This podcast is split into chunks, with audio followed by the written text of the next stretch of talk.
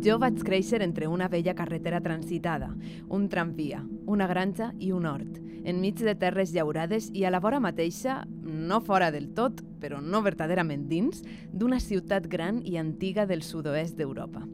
La meua petita persona, la meua vida i la meua memòria, com la vida i memòria de tots els humans, no es pot entendre sense una geografia concreta amb molts segles d'història acumulada, d'història humana i d'història natural. El tramvia groc de Joan Francesc Mira.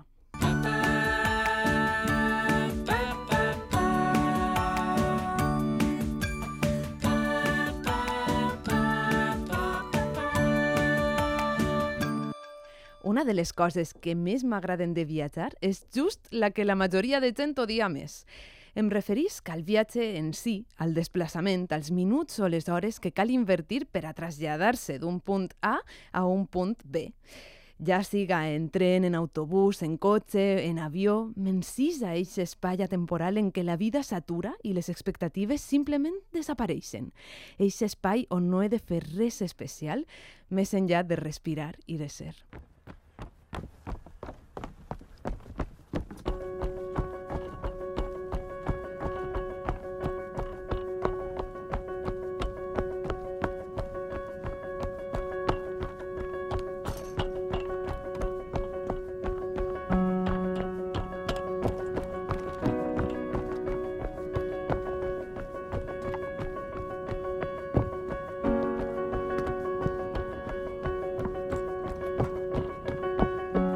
Com t'imaginaràs, quan he de pujar a un avió o a un tren, em proveïsc d'uns quants llibres. Ho faig amb l'esperança d'aprofitar aquestes hores per acabar el que tinc en marxa i començar el llibre següent. Però si et dic la veritat, al final apenes aprofite per a llegir. La butaca, si és mínimament còmoda, més prompte em convida a mirar per la finestra i quedar-me hipnotitzada amb el paisatge. Observe les muntanyes, els rius o els horizonts inassolibles d'una meseta i la meua ment comença a viatjar també, copiant la velocitat del tren o de l'avió. Però en lloc d'avançar, retrocedís i em porta al passat, a reflexionar sobre com he viscut fins ara, sobre quines coses faria igual i quines no, sobre qui sóc. De vegades els pensaments van més enllà de mi i toquen les vides dels altres, dels altres passatgers de la cabina i fins i tot de les persones que es troben fora del vagó. Com hem viscut fins ara? Quines coses faríem igual i quines no? Qui som?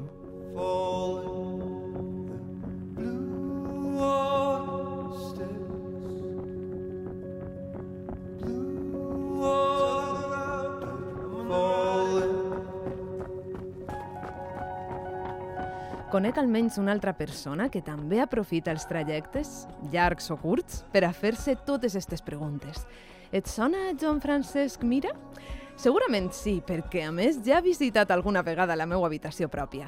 Però si no el coneixes encara, no et preocupes. Senzillament queda't amb mi, perquè amb el tramvia groc, la seva novel·la, no només el coneixeràs a fons a ell, també comprendràs molt millor qui eres tu i per què. Je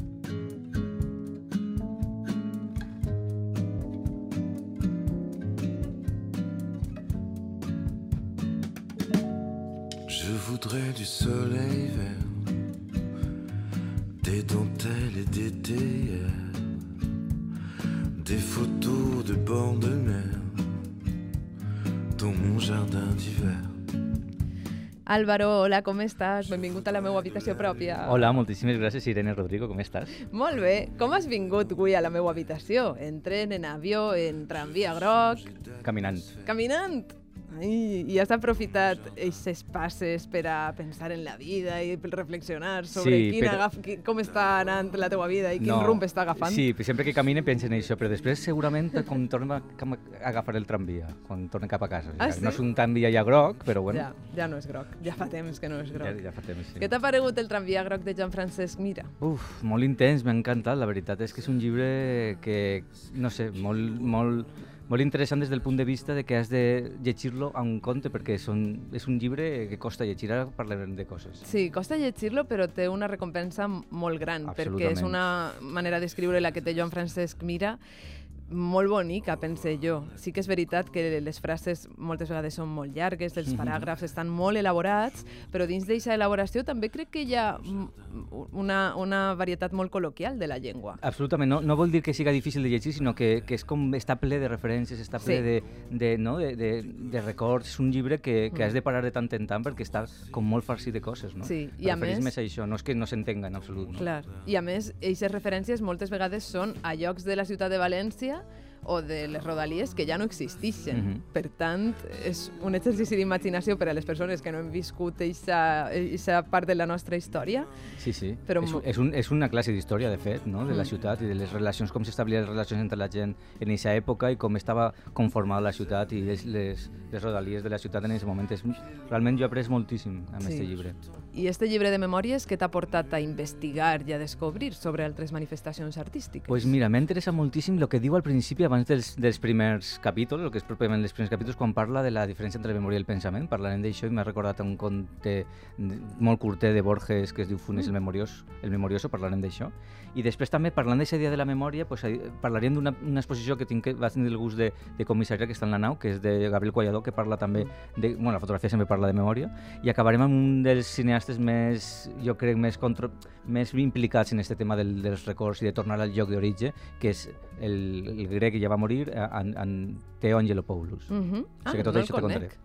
Que guai, Álvaro. Jo eh, no sé si vas veure el programa de tele, imagina Clar, que sí, que vaig absolut, parlar sí, amb sí. Joan Francesc Mira. Bueno, va ser un, un luxasso. va ser el protagonista. Després, al Facebook Live i a l'Instagram Live que faig després del programa, tota la gent que es va connectar estava alabant-lo a Sí, sí. tope. A Joan Sí, Francesc, sí. mira, de volem un programa de tele on ell siga el presentador. no m'estranya, perquè és, és tot un personatge. Eh? Mhm. I, i et parlaré de coses que ja vaig parlar amb ell, amb esta conversa a la tele, i d'unes altres que se m'han acudit esta setmana, després de les reflexions que també va fer la gent al Facebook i a l'Instagram Live, a les Molt bé. xarxes socials, que ja saps que estic molt atenta, que per cert, si durant esta estoneta que estarem junts vols publicar alguna coseta a les xarxes socials, recorda que el coixinet és sempre una habitació pròpia. Ok, Álvaro? Ok. Vaig a reflexionar sobre este tramvia que sona ara mateix.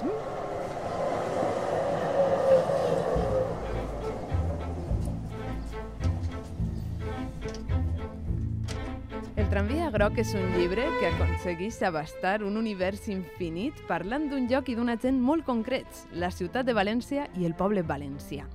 La novel·la és el relat de la infància i l'adolescència de Joan Francesc Mira, unes etapes que van transcórrer a finals dels 40 i principis dels 50 del segle XX, del segle passat. Mira, Joan Francesc Mira, vivia als afores de la ciutat de València i cada dia agafava el tramvia groc per anar al centre, a escola. Es veu que el Mira xiquet ja aprofitava aquests trajectes per a reflexionar sobre moltes coses que sempre va plasmar en esta novel·la. I a mi se me n'ha quedat clavada sobretot una. Qui hem sigut els valencians? I sobretot en qui ens hem anat convertint els valencians? Al principi, Mira fa un repàs a velocitat d'avió, però encara així molt il·lustratiu, dels pobles que han anat habitant el nostre territori. Ell parla d'ibers, de romans, de visigots, de musulmans i entre tants altres. El que queda clar és que la nostra identitat s'ha anat forjant a poc a poc. Ha anat mesclant influències de tot arreu fins a constituir una nacionalitat, podríem dir, un sentiment que ens unís a tots. O pot ser no ens unís tant, perquè eixe passat comú sembla que ha quedat massa lluny i ara només ens fixem en allò que ens diferencia els uns dels altres. I això, clar, ens impedeix tindre una identitat comuna com a poble valencià, perquè les xicotetes diferències adquireixen més importància que tot el que ens unís, o així ho veig jo. Per exemple, em venen al cap els símbols, la nostra senyera, no? que en principi no hauria de tindre cap connotació política, no ha de ser ni d'esquerres ni de dretes, però ja fa anys que no actua com a element d'unió, sinó que crea discòrdia entre ideologies. Jo el que observo és que una part de la població que pensa X s'ha apropiat d'esta senyera i l'ha transformada en estendard polític. I ara la gent que pensa Y no s'atreveix a utilitzar-la, a enlairar-la, perquè no volen que els tatxen de gent que pensa X. No sé si m'entens. Jo, jo em pregunto si busquem motius per a crear separacions i també em pregunto quins motius tenen raó de ser i quins no. Hi ha alguna vara de mesurar, per dir-ho així, per a saber quines diferències són reals i quines estan basades en prejudicis i en el desconeixement de la nostra història com a poble? Em sorgeixen preguntes i més preguntes i jo no sé si les respostes les trobaré algun dia, ni si serà llegint, conversant amb tu o viatjant en un tramvia groc.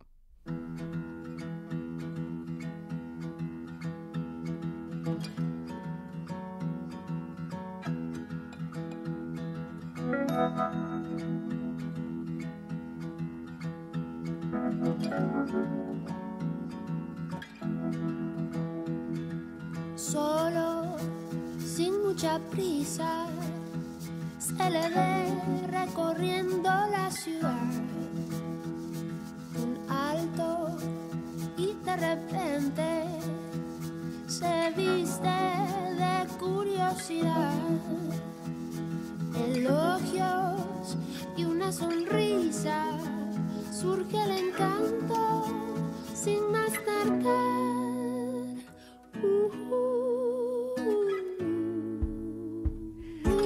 Álvaro, com estàs? Molt bé, encantat. No fa res que havíem estat parlant tu i jo ara mateix, però clar, com jo estava imaginant-me coses i parlant amb mi mateixa, no sabia si I encara viatjant, estaries per no? Viatjant. I viatjant en, en el tramvia groc de la meva memòria. De la meva memòria que abans em contaves que al principi Joan Francesc Mira del llibre fa una distinció entre memòria i, pensament. Me, m'has dit, sembla, no? me va semblar fantàstic com a... El llibre té 10, 10 capítols i després un principi i un final, no? Sí.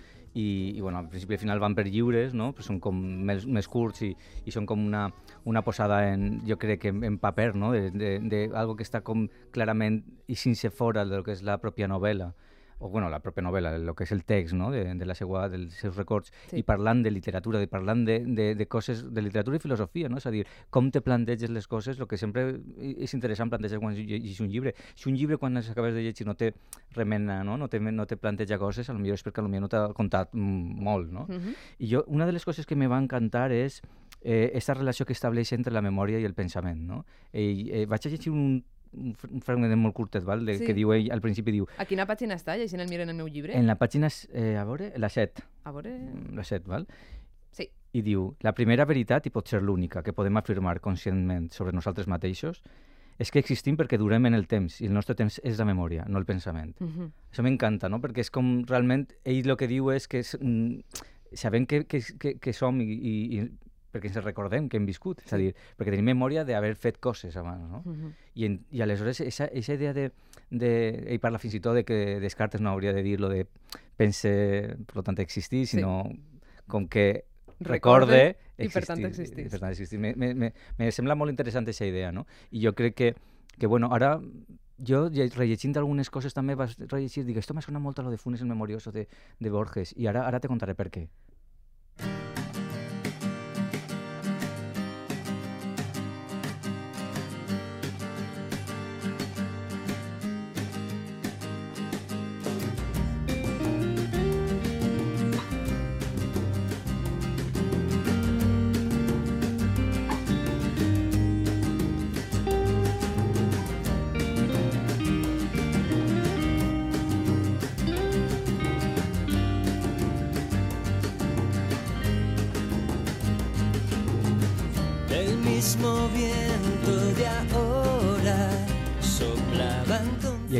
I el que te comentava, no? Eh, Vaig a llegir també un fragmentet de Funes el Memorioso, bueno, tinc dos, a veure si ens dona temps a llegir els dos, Clar. però que me semblava molt interessant perquè diu Borges, quan està parlant, realment és un conte contat en primera persona i està parlant de Funes el Memorioso, que és un personatge que bueno, té una memòria prodigiosa, no? Mhm. Y digo, "Hab- había aprendido sin esfuerzo el inglés, el francés, el portugués, el latín.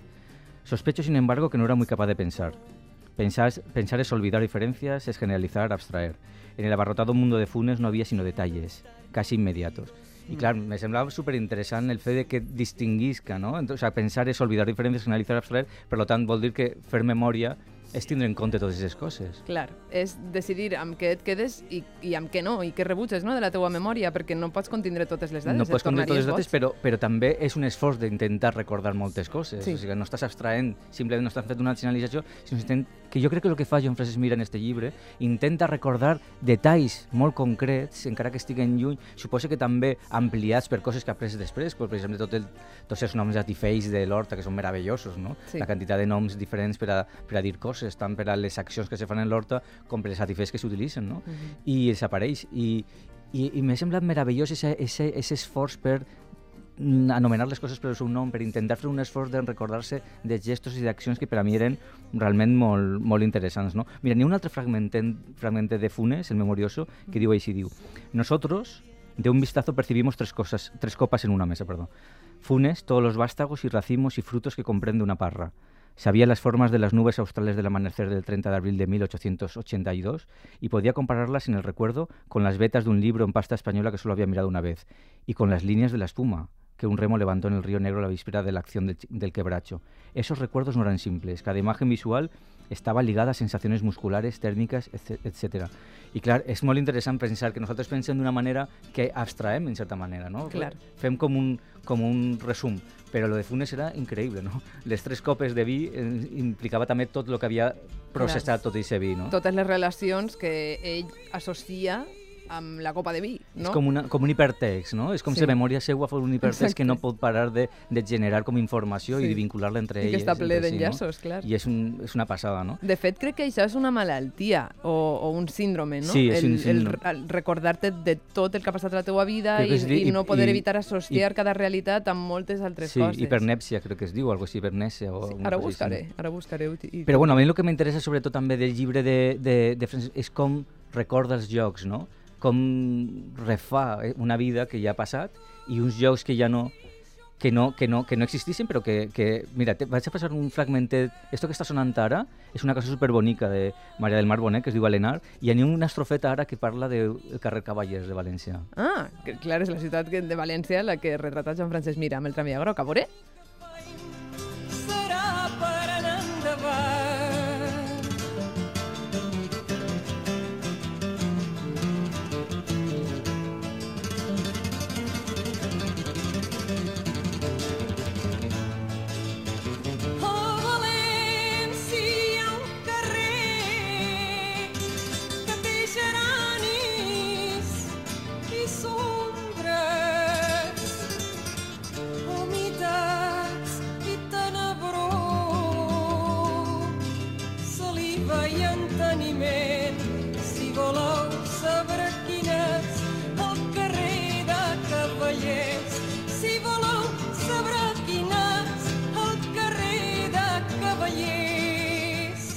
De les coses que pot haver canviat al carrer de Cavallers és que ja no hi ha geranis, crec, no? O sí?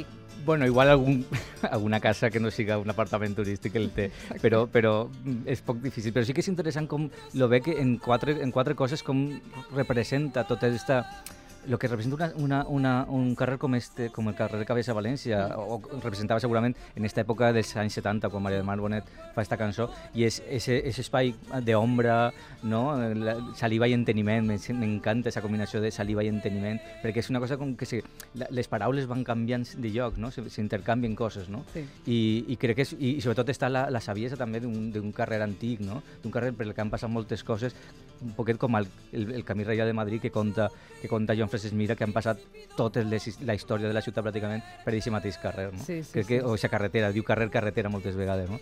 Crec que és molt interessant quan aquestes coses es posen, diguem, en comú, estan com, són molt explícit, explícites perquè les donem per fetes, però clar, estan, estan ahí, no? I, Per cert, ara que parles del Camí Reial de Madrid, que és on va viure Joan Francesc Mira quan era xicotet, Mhm. que és on, on està situada tota la seva novel·la, El tramvia groc. No sé si et vas fixar al programa de tele Mhm. que el grafiti, el mural, està fet ahí, en aquest carrer. En aquest carrer, però no, Sí. en el, no sé en el lloc en el que suposadament estava la seva casa? Crec o que més o menys més sí. o menys sí, no? Sí, aproximadament, perquè clar, la casa de Mira ja, Ja la no van tombar, clar, clar. o sigui que no, igual no és exactament on estava situada, però aproximadament sí. Me va encantar, sí, sí. és un homenatge guai, És veritat. molt bonic, a més era molt xulo, no? El, el, el grafiti amb les mans, no? I agafant Les mans el que sostenen el tramvia, Molt bé. sí.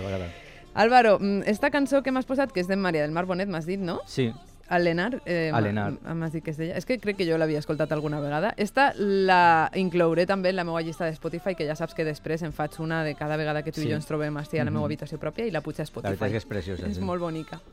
Álvaro, avui he convidat a la meva habitació una escriptora que s'anomena Marta Orriols. Ella és una autora catalana que té publicats fins ara, fins ara dos llibres, un és de relats i un eh, és una novel·la que s'anomena Aprendre a parlar amb les plantes i que m'ha encantat. I m'agradaria després telefonar-la per a que em conte més coses d'esta novel·la, però primer escolta com és la seva habitació pròpia.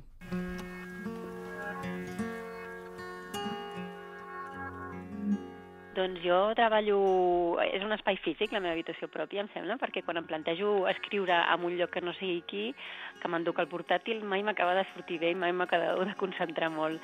Escric a, en un escriptori que està al costat d'un pati, per tant, mentre llum jo crec que la necessito bastant i m'agrada escriure aquí jo crec perquè estic rodejada sobretot de llibres, llibres que per mi són molt importants, no? I sobretot el silenci, necessito molt de silenci, així que escric quan he deixat els nens a l'escola i escric els matins. Abans havia escrit molt de nit, però ara escric molt als matins, sobretot. I, no sé, el meu gos, que em fa companyia sempre i que a la vegada em serveix una mica per trencar el ritme, no? Perquè escriure a vegades és un treball molt solitari i et van passant les hores i en dies molt productius però hi ha dies que el gos m'avisa que vol sortir i la veritat és que va molt bé perquè trenques una mica, surts d'aquest espai i a vegades quan tornes acabes de rodonir aquella idea que tenia aquí atabalada.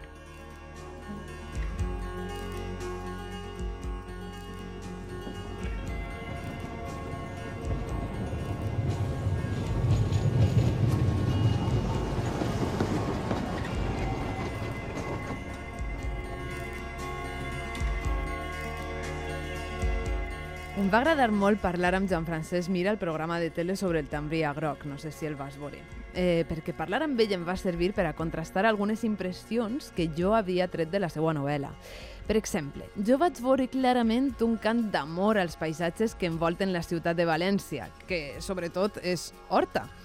En canvi, ell, quan conversarem, per poc no em digué que això eren simpleries, o sigui, li restava importància a la bellesa de l'horta i d'alguna manera, jo veia com que la reduïa a allò més funcional, a la part del territori proveïdora dels recursos que ens nodreixen físicament i econòmica. En acabar la conversa em vaig quedar un poc confusa perquè tenia la sensació d'haver-me equivocat completament interpretant les paraules que Mira havia escrit al llibre. Però jo el repassava, repassava la novel·la i trobava el mateix, trobava aquest cant d'amor a l'horta. Era inconfundible per a mi. I després d'estar uns quants dies pegant-li voltes a l'assumpte, em vaig adonar que aquesta aparent incoherència entre el que escriu Mira al tramvia groc i el que em va dir a la tele no és real, no és una incoherència. Ara te ho explicaré. Si estàs al dia, encara que no sigues de València ni de la contornada, sabràs que hi ha una mobilització ciutadana considerable per a tractar d'aturar l'ampliació de la B21, que és una autovia que, si creix, s'endurà per davant centenars d'hectàrees d'horta. Crec que ningú dubta que l'horta és preciosa. A mi em fa goig observar-la durant hores. Però si només la valorem per la bellesa intrínseca, tampoc ens importarà tant que la destruïsquen. Sí, clar, ens farà pena uns dies, però després ens n'anirem a veure unes altres coses boniques, com diu Mira a la tele. Pues, no sé, per exemple, els camps de tulipes d'Holanda o els boscos del nord d'Europa. Crec que entenc el que Mira volia dir-me no hem, no hem de pensar en l'horta només com un paisatge bonic i agradable de mirar, sinó com un recurs que ha constituït la base de subsistència de milers de persones i que encara ho és de moltes altres. Rebentar-la seria deixar famílies senceres sense terra i sense faena, per no parlar que l'horta és patrimoni històric i cultural, i això Mira ho explica de forma magistral en el tramvia groc. A l'horta es reuneixen els cultius que introduïren els musulmans i que des d'aleshores han format part de la nostra identitat, com la xufa, la taronja, l'arròs o tants altres, no? L'horta és bonica, clar que és bonica, però sobretot és un llegat que parla de com els valencians ens hem convertit en els valencians que som avui. I això cal conservar-lo, igual que conserves els teus llibres més preuats, entre els quals espere que a partir d'avui també estiga el tramvia groc de Joan Francesc Mira. serem terra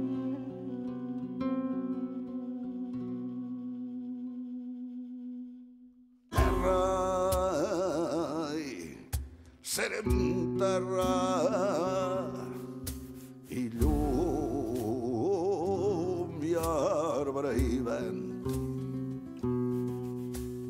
Terra i serem terra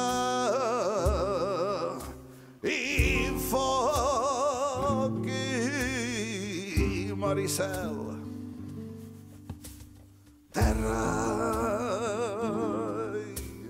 cel. Terra terra,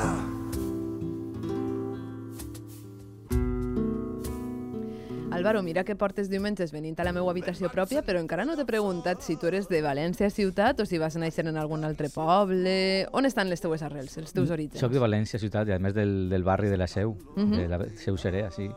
Eh, pues al cost... Jo suposo que és el que és la, la, el carrer Salvador, hem viscut sobretot ahir, que és realment la, la Via Augusta, o sigui, per Sí. va el, el, el lloc fundacional un poc de la ciutat, o sigui Sí, que sí, sí, soc de, de València del centre-centre. I has viscut un canvi molt gran des de que eres xicotet fins ara a la ciutat? Absolutament. Eh, solament el barri, jo recordo que el barri justament és este carrer que te dic és la part a les esquenes de les Corts, no? Sí.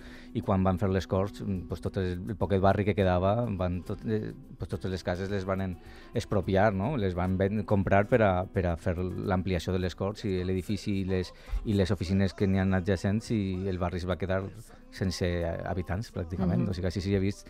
I no solament en el meu barri, en tota la ciutat ha canviat moltíssim, no? Mhm. Tens alguna fotografia que vas fer de xicotet o d'adolescent de quan el barri era encara una altra cosa, Pues diferent crec que a no tinc moltes referències. Que pena no haver tingut mòbils en aquesta època, no? Ja, no haver eh? tindre... Perquè moltes coses, coses que no, no tenies la possibilitat tan fàcilment de, de, de documentar-les, no? Mhm. Per, perquè jo que te, te vull parlar d'això, perquè jo crec que moltes vegades el que fem per a aturar el temps i el pas del temps és mm, parar-lo, d'alguna manera. Sí. Com le parem? Pues, fem producció cultural moltes vegades, no? Mhm. Fem novel·les i contem el que eren les coses quan érem menús, com ha fet eh, Joan Francesc Mira, però també fem fotografies, fem pintures, fem vídeos, intentem també que la cultura siga algo que, evidentment, com nosaltres sabem que anem a morir, intentem que això que fem perdure, no? Sí, més enllà de, clar, més enllà de, de, la, de la vida que nosaltres vivim. I jo crec que és l'essència un poc de, de, de la cultura de l'art i de, i de, i de la gent que se dedica a això perquè penses que na- d'alguna manera... Jo, per exemple, estava llegint el llibre de, del tramvia groc i estava pensant que tota la gent un poquet, no sé com dir-lo, eh, anònims, no? O que són familiars de Joan Francesc Mira, però que no han fet, al millor, o no tenen un, una, un, una cosa que han fet, hagin fet massa important, estan reflectits ahí gràcies a Sí. ell, no? Exacte. Gràcies a aquest llibre que en certa mida recupera una memòria, recupera una gent, recupera una forma de treballar i de fer les coses i de, com, de convivir i de comportar-se, que si no fos per la literatura i en aquest cas per este llibre que és una miqueta de memòries i de, i tan, però també molt poètic, jo crec que no el tindríem, no? Es perdria, clar. Mhm. Bueno, pues eh, una de les coses que a mi m'interessa és aquesta idea, no? De que estem ante la imatge, ante la imatge, una, imatge que és una representació d'algo, com estem ante el temps, no? Davant del temps, enfront del temps, que és el que diu un, un, un historiador que es diu Jo- Jordi Duberman, no? I, i bueno, pues m'agradaria parlar-te de fotografia. La fotografia que sempre s'ha parlat que és un, com l'instant decisiu, no? Les fotografies que feia, per exemple, sobretot Cartier-Bresson i aquesta gent dels anys 40-50, però també pot ser, a lo millor, un instant de lleu, lleugeresa. Mhm.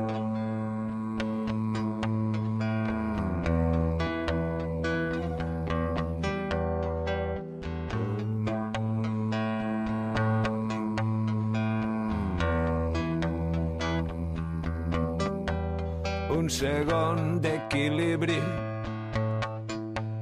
de manera natural. Una postura porta altra postura. Vas a intentar-ho i funcionar. Un raig de llum colant-se pel badall del túnel pel trencall en obres on berenen les cabres un instant de lleugeresa un instant de lleugeresa un instant de lleugeresa un instant de lleugeresa Què vols dir que la fotografia podria ser un instant de lleugeresa? Bueno, és perquè ocorrís en un moment i és, i és un moment te pilla com te pilla, és un Sí. moment que, te, que, que tampoc necessàriament pots posar, però la fotografia també té aquest moment de, registrar moments que, que passen Mm. solament en un instant, no? Mhm. I aquesta lleugeresa també, perquè al final sempre s'ha dit que la fotografia, i és una cosa molt interessant, ara parlaré, parlant un poc de l'exposició esta de, de, de Gabriel Collador, és que eh, és, un, és presència i absència al mateix temps. Sí. Sempre té presència, perquè mostra, és un espai, diguem, eh, és un requadre, no? un fragment de- d'algo que veus, però que allò, allò que representa mai, ja no està. Ja no està, Encara que ha acaba de passar, ha deixat d'existir. No? Esta, esta exposició que t'he dit, que he tingut el gust de comissar en el Centre Cultural de Nau en motiu del 30 aniversari de l'IBAM, Eh, és, és una exposició de Gabriel Collado, que és un fotògraf que encara que va néixer a Massanassa, en l'any 1925 va morir a Madrid, va viure a Madrid. Mhm. Des dels 16 anys se'n va anar allí perquè el seu tio, el seu oncle, tenia allí una empresa de transports, que al final després és Transports Collado, que la va heredar ell, eh, i o sigui, se va encarregar ell de, de, diguem, de, de portar-la endavant. I, i bueno, ja tingut, mantingut, ja ha tingut sempre una relació amb València, bueno, pues els seus pares encara vivien així, i té fotografies molt interessants de quan venia, molt boniques, no? sobretot els seus pares quan ja eren majors, i l'exposició tot és, sobretot són, bueno, jo tenia un títol, jo li vaig posar un títol que és Gent i llocs, Mhm. eh, les, Gabriel Collado en la, en la col·lecció de l'IMAM, perquè me semblava que analitzant les coses, la fotografia, en, en concret les seues fotografies, tenen molt a veure en el que és gent i el que són llocs, i moltes vegades la vinculació entre les dues coses, no? Mhm. És a dir, moltes, eh, no, no sempre, no sempre el, quan, quan jo parlo de gent en aquesta exposició és més la gent que és com un retrat clàssic, no? una persona que para davant de la càmera o del fotògraf i, i, i és un retrat. Però després n'hi ha altres fotografies que apareixen als jocs que són també un protagonista en si mateix, com per exemple i té un, una, una, un reportatge fet en París en 1962 i jo he volgut també relacionar algunes d'aquestes coses que ha fet ell durant la seva vida amb moments històrics, no? moments Mm. mm. sociohistòrics. I de fet n'hi ha un, un moment en què n'hi ha un fragment d'una pel·lícula d'Agnès Bagdà que es diu Cleo de 5, a- de 5 a 7 i vull posar-te també un, una cançoneta molt interessant de, sa, de la banda sonora d'esta pel·lícula per Mhm. entendre ara de què t'estic parlant. Il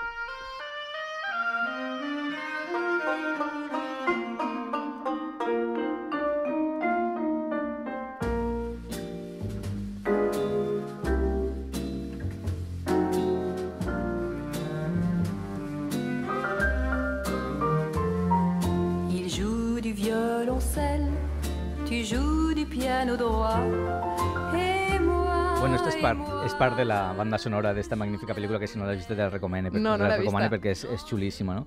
I, i bueno, és, la, la composició és de Michel Legrand i, i la canta Corinne Marchand, no? Mhm. I ella és la protagonista també de la pel·li, no? Doncs, bueno, hem, hem ficat en aquesta exposició fragments de quatre pel·lícules, una d'elles, com dic, és esta, perquè coincidís que el mateix any de la pel·lícula, que és el 1962, és quan ell està fent aquest reportatge a, a París, no? Per tant, era molt interessant perquè és una pel·lícula que encara que té un, és, és ficció i té una història que contar, també hi ha molts moments que són documentals. De fet, Sí. Agnès Bardà se, se le coneix molt més per ser una cineasta documental que no pas una, una cineasta de ficció, no?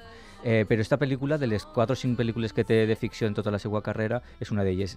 També és un homenatge perquè, bueno, a mi soc molt fan d'Agnès Bardà i va morir en guany, no? El, el març d'enguany, de, d'enguany, per a mi, bueno, ha tingut, eh, quan donava classes a la universitat de, de gènere documental, de, de cinema documental, sempre per a mi era un referent, no? i sempre m'agradava m'agradava posar-lo. Per tant, jo crec que bueno, eh, la memòria també, el que volia dir és té aquesta vinculació no? entre la gent que viu en un lloc Sí. i el lloc mateix, que també se transforma, no? com ens diu Joan Francesc Mira. No? Jo quan vaig anar a l'exposició de Quallado, eh, el que més em va sorprendre de les fotografies va ser veure aquestes persones retratades fa 40-50 anys, algunes les més noves pot ser 30, com a Mhm, molt, com a no? molt, Dels sí, sí, sí. 80, principis dels De 90. sí, sí, sí.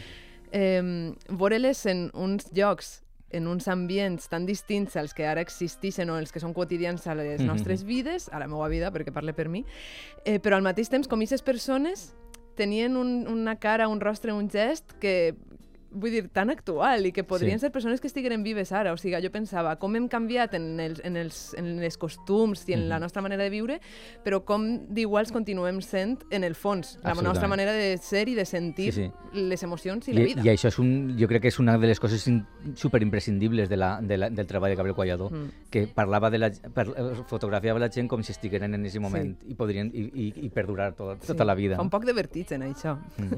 Álvaro, mm, m'encanta la teua exposició de Gabriel Cuallado i jo ja saps que li- l'he recomanat a molts amics. Moltes meus. gràcies. O sigui que jo crec que tornaré a visitar-la. Saps qui parla també de memòria? Marta Orriols, que és l'escriptora de la Mhm. qual abans has escoltat com és la seva habitació pròpia. Ella sobretot toca el tema de la memòria en aprendre a parlar amb les plantes, que és el segon llibre que va escriure. Marta, eh, eh, Marta Orriols fa que en este llibre el procés de dol eh, que, que patís la protagonista siga molt curiós i complicat, perquè la protagonista, Paula, a banda d'assumir la infidelitat de la parella, de seguida ha de bregar també amb la mort d'eixa parella. Marta, això és com un dol doble, no? A mi m'interessava molt enfocar el tema reflexionar sobre la pèrdua, però no volia fer-ho de la manera convencional i em semblava que omplir-li eh, el pensament en aquesta dona d'altres sentiments que no només eren la pura tristesa, sinó també la ràbia, podien ajudar a dibuixar una miqueta més aquest retrat més real de la persona que es perd a vegades, no? Perquè tot el que havia llegit jo molt sobre la pèrdua sempre tractava la pèrdua des d'un enfocament molt eh, grandiloquent i, i a mi em semblava que s'allunyava molt dels sentiments reals que té una persona quan perd algú, no? que són una cosa com molt, mm, molt física, molt de, de, de sentiments contrariats, no? i que aquesta contradicció, mm. potser si posava el tema de la infidelitat, podia créixer. No? De fet, hi ha una frase del llibre, no la recordo exactament, però dius alguna cosa com eh, la mort no és mística, és física. No? Com que sí. se sent al cos. Clar, clar, és que jo crec que fins que a un no li toca de prop un tema com una pèrdua important, no s'adona de que tot això que a vegades sents, no? aquestes morts tan tràgiques que sents, mm. eh, bueno, ho, ho acabem transformant en una cosa tan espiritual gairebé, no? la, tan transformador pel que es queda, que es perd una mica al fil del que és la realitat, no? que la vida mm. continua i això sobta molt quan et passa una cosa així, no? perquè eh, tothom et tracta d'una manera molt concreta que sembla que de cop i volta siguis una persona molt diferent, però la vida per tu eh, segueix allà fora, no? Ha, canviat, hi ha hagut un canvi radical, no? I és una cosa molt física a la qual t'has d'adaptar, no? Perquè tu físicament estàs passant un, uns canvis, no? Perquè estàs diferent, no pots dormir, no tens gana, et marxa tot, no? El desig, i en canvi eh, la vida és la mateixa fora, no? I mm. aquesta adaptació, eh, bueno, m'interessava plasmar-la amb això, no? Deixar molt clar com era eh, la mort per al que es queda, sobretot. Era una cosa física i real, no? I que forma part de la vida. A mi em fa la sensació que en general les persones actuem com si mai anarem a morir, no? I de sobte algú es mor al nostre voltant i ens recorda que la mort existeix. Sí, a veure, jo crec que és un mecanisme de defensa que tenim tots, no? Perquè mm. si ens poséssim a pensar només en això tan terrible que és que veurem al final eh, algun dia, no? Eh, mm. Les vides mm, serien com molt no tristes perquè jo crec que acceptar-ho també com a part de la vida eh, ajuden a, a la mateixa vegada, però clar, crec que és més, eh, un té més eh, l'ànim de pensar doncs, que fa la vida farà plans no? que compten i, i, i com, com a vitals, no, no, sí. no com a, al mortal, no? Sí. Però evidentment eh, sí que ens costa molt pensar en això i que només ens hi trobem de prop i te n'adones quan, quan passa que tots ens sentim indefensos, no?, quan no saps què dir-li a una persona que li ha passat això, no? Mm. Ni tu saps com sentir-te ni saps què dir-li a un altre quan passen aquestes coses, no? Mm. I que només tirem de missatges que a la vegada estan buits de significat, sí, com no? Tòpics, Perquè no? no sabem com reaccionar, no? Donem, no, estem, no estem gaire preparats pel, pel dolor en aquesta societat. Marta, Aprendre a parlar amb les plantes és la teva primera novel·la publicada, però tu ja tenies un llibre de relats, un recull de relats publicat també en Periscopi, sí. que es titula Anatomia de les distàncies curtes. Jo encara no l'he llegit, però ja per a en començar un poc a mm, clavar-me en l'ambient d'este recull, m'agradaria que tu em contares quin temes has explorat en, en estos relats. Doncs jo quan vaig escriure aquest uh, llibre de relats tenia moltes ganes de parlar de les relacions de les persones, no? les relacions que establim segons estiguem en el nostre entorn de treball, en el nostre àmbit familiar, amb la nostra parella, amb els nostres pares, no? I llavors eh, són contes que no tenen res en comú un amb els altres, però potser sí que hi ha un fil conductor que els uneix tot, que diria que és el to, no? Que mm. són un, un to una altra vegada molt realista i la gent me n'ha dit que és un to més aviat pessimista i potser sí que és veritat que és un to una mica gris, no? Però jo crec que reflecteix molt aquesta dificultat que tenim a vegades a, en dir les coses tal com són, no? La dificultat que tenim de dir que estimem algú o de dir directament un, una veritat que pensem i de la que estem convençuda i no ens atrevim mai, no? Segons amb qui tenim la relació. Marta, tu, eh, imagina que continues escrivint, he vist que tens diversos blogs per ahir amagats per internet, alguns amagats i uns altres no tan amagats, eh?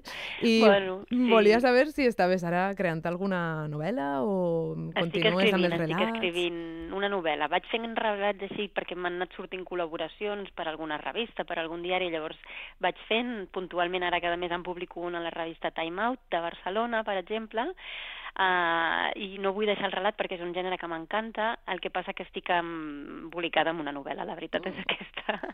Sí, perquè tenia una altra història amb moltes ganes d'explicar-la i, i no n'hi cap amb un conte. Necessito extensió per reflexionar i, Clar. i poder anar cap aquí, cap allà. Que bé, me n'alegre moltíssim. Estaré esperant a llegir-la. Et promet que abans eh, llegiré Anatomia de les distàncies curtes. I així ja m'he llegit tota la teua bibliografia fins ara, que espero que siga molt llarga.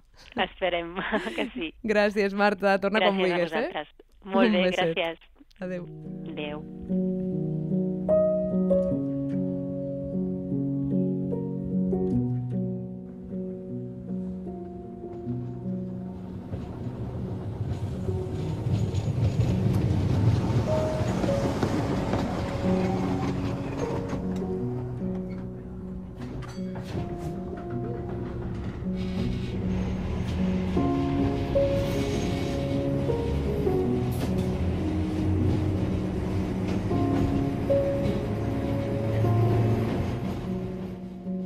Jo continuo de viatge amb el meu tramvia groc particular i espero que tu m'estigues acompanyant encara.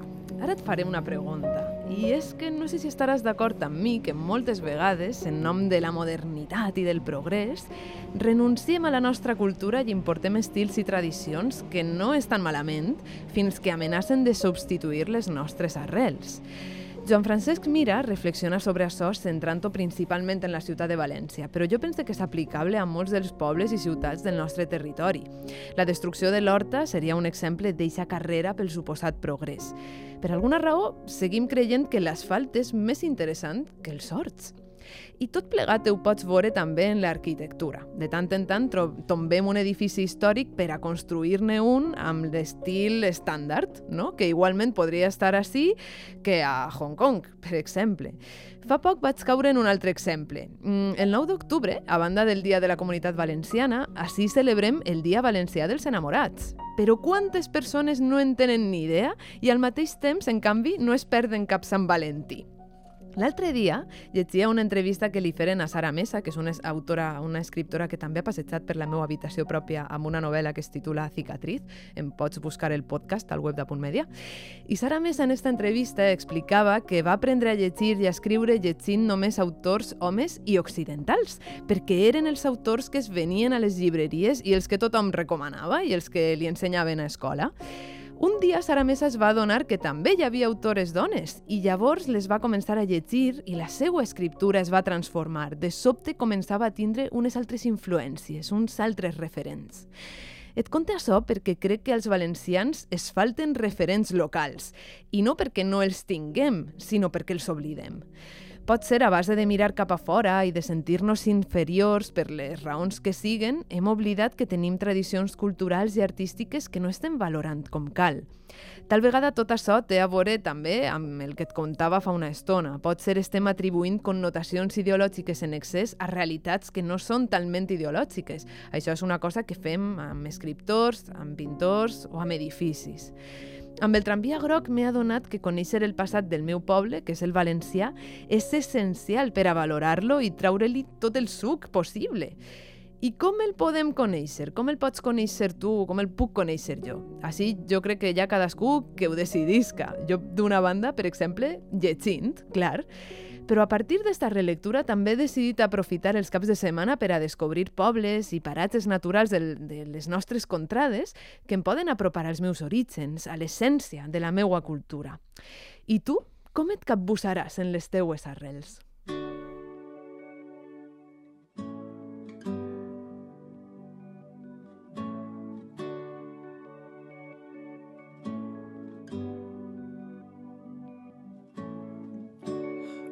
Pels carrers de València. El blau del cel es menja el sol. Una brisa suau i fresca m'acarona el moll del cor.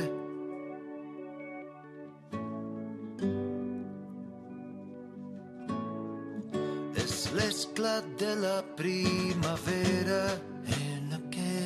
part del món. Es barregen les olors, les textures, els colors. Un amic fidel m'espera sembla ser al seu lloc.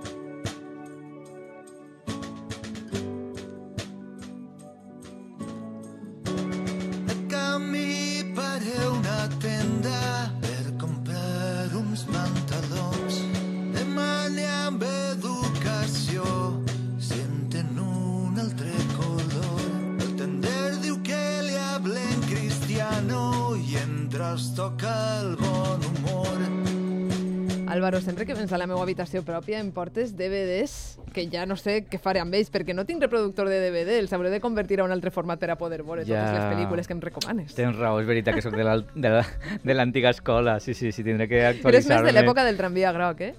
No, no, perquè allà encara no existien els DVDs. No, jo, de fet, tenia molts eh, VHS famosos que vas tindre que desfer-me d'ells, perquè sí que tenia moltíssims i això sí que ja no tenia sentit. Jo, però bueno, este n'hi ha encara reproductors que se, pot, que se poden mirar. Te vaig a parlar precisament d'esta pel·lícula que t'he portat, que és superbonica. Bueno, és un director que a mi me- m'encisa, no? que és Theo Angelopoulos, que va néixer en el 35 i va morir en 1935, va morir en el 2012, eh, grec, i que ja ha reflexionat en les seues pel·lícules sobre l'exili, sobre tornar al lloc d'origen, sobre sempre personatges, moltes vegades personatges que són o bé cineastes, un director de cinema, un escriptor, com en este cas, d'esta pel·lícula, que tornen a, al lloc d'origen i, i aleshores, en este cas, els últims moments, sembla que està malalt, no saps molt bé què està passant i comença a recordar a recordar la seva vida en aquest context, no? Recorda quan era menut, però també recorda quan va néixer la seva filla, les, les reunions familiars. És molt bonica perquè, a més, Angelopoulos fa una cosa molt interessant que se pot fer en el cinema i la literatura també, i és de cop i repent un gir de càmera i ja t'estàs trobant en el mateix espai, de, Ah. però en un altre, un altre temps, no? O sigui, al mateix espai, mm, eh, en el mateix espai se situa el present de, de l'escriptor que Mhm. està recordant i després la seva infantesa, la no? seva infantesa. Entonces, a millor simplement és un canvi, és un gir, no?, de, de, com de, de càmera, no? Que per I- cert, com es diu esta pel·lícula? L'eterni... Eh, sí, Ah, te vaig sí. a parlar de l'eternitat i un dia. dia. L'eternitat i un dia, que és un títol magnífic també. I, i bueno, és, eh, a més, no sé, és, me recordava també perquè és una pel·lícula d'escenes llargues, d'un ritme pausat, i m'ha recordat també quan llegis el llibre El tramvia groc, no? Mm. Totes aquestes, el que hem comentat, aquestes frases llargues, tan ben elaborades i tal, té una sensació que és com una càmera que va passant molt l'espaiet per aquests espais, no? Entonces estàs fixant en tots els detalls que, que, que, el, que la imatge té, no? I, i bueno, me semblava que era com una forma interessant, bueno, clara, no?, de reflectir una cosa a l'altra. Mira, te vaig a posar la banda sonora, que és una meravella també, val? Mhm, d'esta val. pel·lícula. Has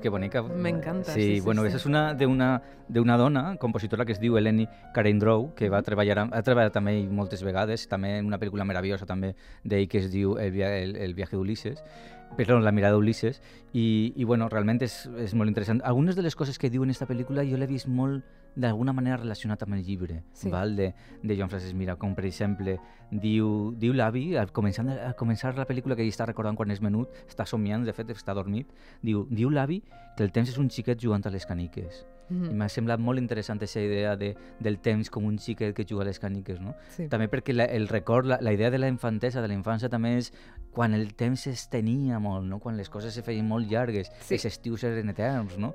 Bueno, avui en dia sí que jo crec que no viuen de la mateixa manera que vivim nosaltres, perquè n'hi ha moltíssims mm, Estímuls. estímuls Però no? és veritat, jo recordo quan era xicoteta i pensava que encara em quedaven em quedava tant de temps per davant per a fer-me major, estava Mhm, mhm. ansiosa per fer-me major i Sí, ara, sí, en sí. canvi, el temps passa volant. Super ràpid.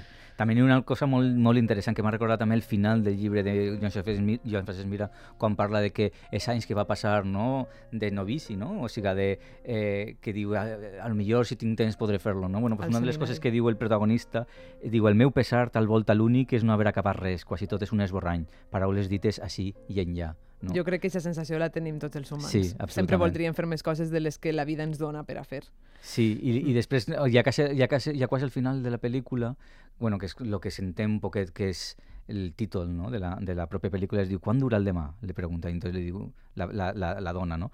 «L'eternitat i un dia», no? El títol de la pel·lícula. títol de la pel·lícula. Que bonic, em sembla molt poètic. Sí, és molt poètic, eh? tant per les imatges. Després n'hi ha també un component sempre polític, de, de, de fronteres, de, de coses que no estan clares, de- de- d'immigració i tal, que també el fa molt contemporani, saps? Mhm. Bueno, I per acabar, bueno, esta part, te volia posar una cançó d'un grup d'un grup castellonenc que es diu eh, Les Deeses Mortes, que conec molt a, a l'autor de les cançons des músic, que es diu Pasqual Arnal, i una cançó superinteressant que es diu El veure? que, bueno, que té que veure també amb aquesta idea de la memòria i d'aquests efectes. Obri el suc de la galàxia i volteja el cor. Els vaixells encara es veuen allà darrere l'aigua on tot és fos. Soc l'ocell de foc que hauríem d'haver fugit amb el miracle dels records. M'encanta este grup, que no el coneixia, per cert. La setmana que ve, Álvaro, espero que em portes moltes més cançons desconegudes per a mi, perquè ja saps que després em serveixen per a la llista de Spotify. Clar, clar, Les deesses mortes, els vaixells, es diu esta cançó. Mhm. M'agrada molt. Gràcies per presentar-me-la. Gràcies a ells per fer unes cançons tan xules. Jo esta nit et presentaré un llibre, Álvaro, però a la televisió. A les 11 i 25, aproximadament, a la tele de Punt Mèdia, et parlaré del jugador de Fyodor Dostoyevsky. Que genial. I jo l'he relacionat amb moltes coses, però, per exemple, amb un tema que, que, que pense que és molt actual, que és la plaga de cases d'apostes que tenim, Mhm. i també del joc online, que ja no és una cosa que es reduïsca a, a, persones que, a, a persones molt concretes, sinó que ara com qualsevol pot apostar des de sa casa a través d'internet, eh, hi ha molts joves que s'estan enganxant Sí, a, a esta xacra, no? I crec que el jugador de Fyodor Dostoyevsky, encara que és un llibre prou antic, representa molt bé un problema actual com este. Mhm. O sigui, que et parlaré d'això i de moltes altres coses i la setmana que ve tu i jo a la meva habitació radiofònica estenem encara més este, este llibre de Dostoyevsky, Així d'acord? estarem, clar que sí. No te'n vagis encara, Álvaro, que vull que sentes les notes de veu que m'han enviat al meu telèfon, que és 602 546 297. Jo crec que aquest llibre representa molt bé un paisatge, que és el de l'Horta de València, d'un gran valor. Un paisatge cultural vinculat a València i a la seva manera de viure, a un parlar, a un mode de vida més humanitzat, més lent. Un paisatge productiu i alimentari que ha donat feina durant segles a moltíssims valencians Hola, sóc Anna, de Justícia Alimentària. L'horta és una eina molt potent pel que fa a la lluita contra el canvi climàtic, doncs perquè assimila grans quantitats de CO2. A més, garanteix la biodiversitat i ens permet accedir a productes de proximitat, frescos i de temporada, garantint-nos l'accés a una alimentació saludable i sostenible. Soc una de les persones que va resistir al fort de Barracà el dia del desallotjament, de fet un dels detinguts. I res, ahir són moltes les persones que pensem que la classe política eh, té moltes incoherències. Eh, estem farts de que se carreguen l'horta en temps passats amb el Partit Popular, però és que estem veient que ara mateix tampoc estan canviant les coses.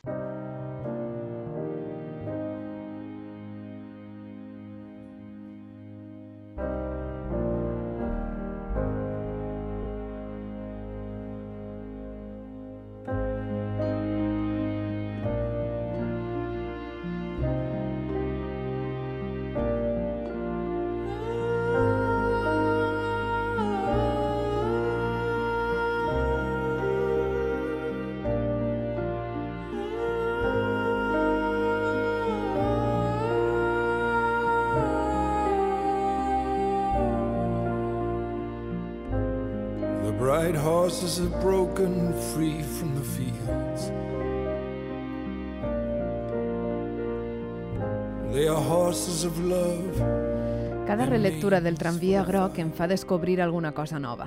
I pot ser en esta última allò més important ha sigut prendre consciència que he de valorar els meus orígens i cuidar la cultura, perquè gràcies a tot això puc llegir uns autors en la llengua original en què van escriure i gràcies a això menjo aliments de l'horta i m'emocione passejant per uns carrers i uns camps amb molta història, amb la meua història. Ara, quan vaig per València dins d'un tramvia que ja no és groc, ja no lliig, sinó que mire per la finestra. I quan descobrisc els edificis nous i sense personalitat, o quan he de llegir cartells en anglès i no en valencià, De vegades pense que els rampeigs de pessimisme de Joan Francesc Mira en esta novel·la són profecies que s'acabaran complint i que ens transformarem en un poble ignorant de les arrels inestimables que ha perdut pel camí. Però després recorde que aquestes arrels continuen aferrades a terra i que conserven la fermesa suficient per aguantar mil embestides. Els tramvies, com la història, passen. Si t'empuges a un, si t'empuges al groc, potser arribaràs en un tres i no res a l'Horta, a la costa o a la ciutat d'on provens i a la qual pertanys. Una abraçada. Horses are just horses and their manes aren't full of The fields are just fields and there ain't no Lord. And everyone is hidden and everyone is cruel. There's no shortage of tyrants and no shortage of fools. And the little white shape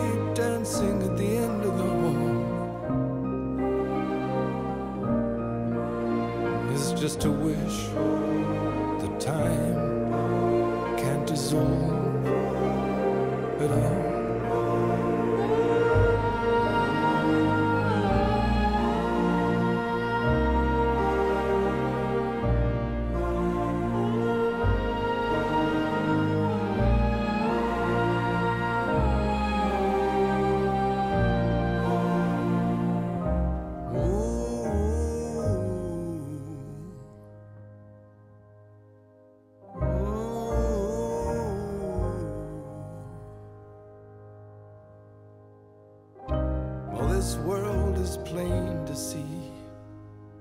don't mean we can't believe in something in any way.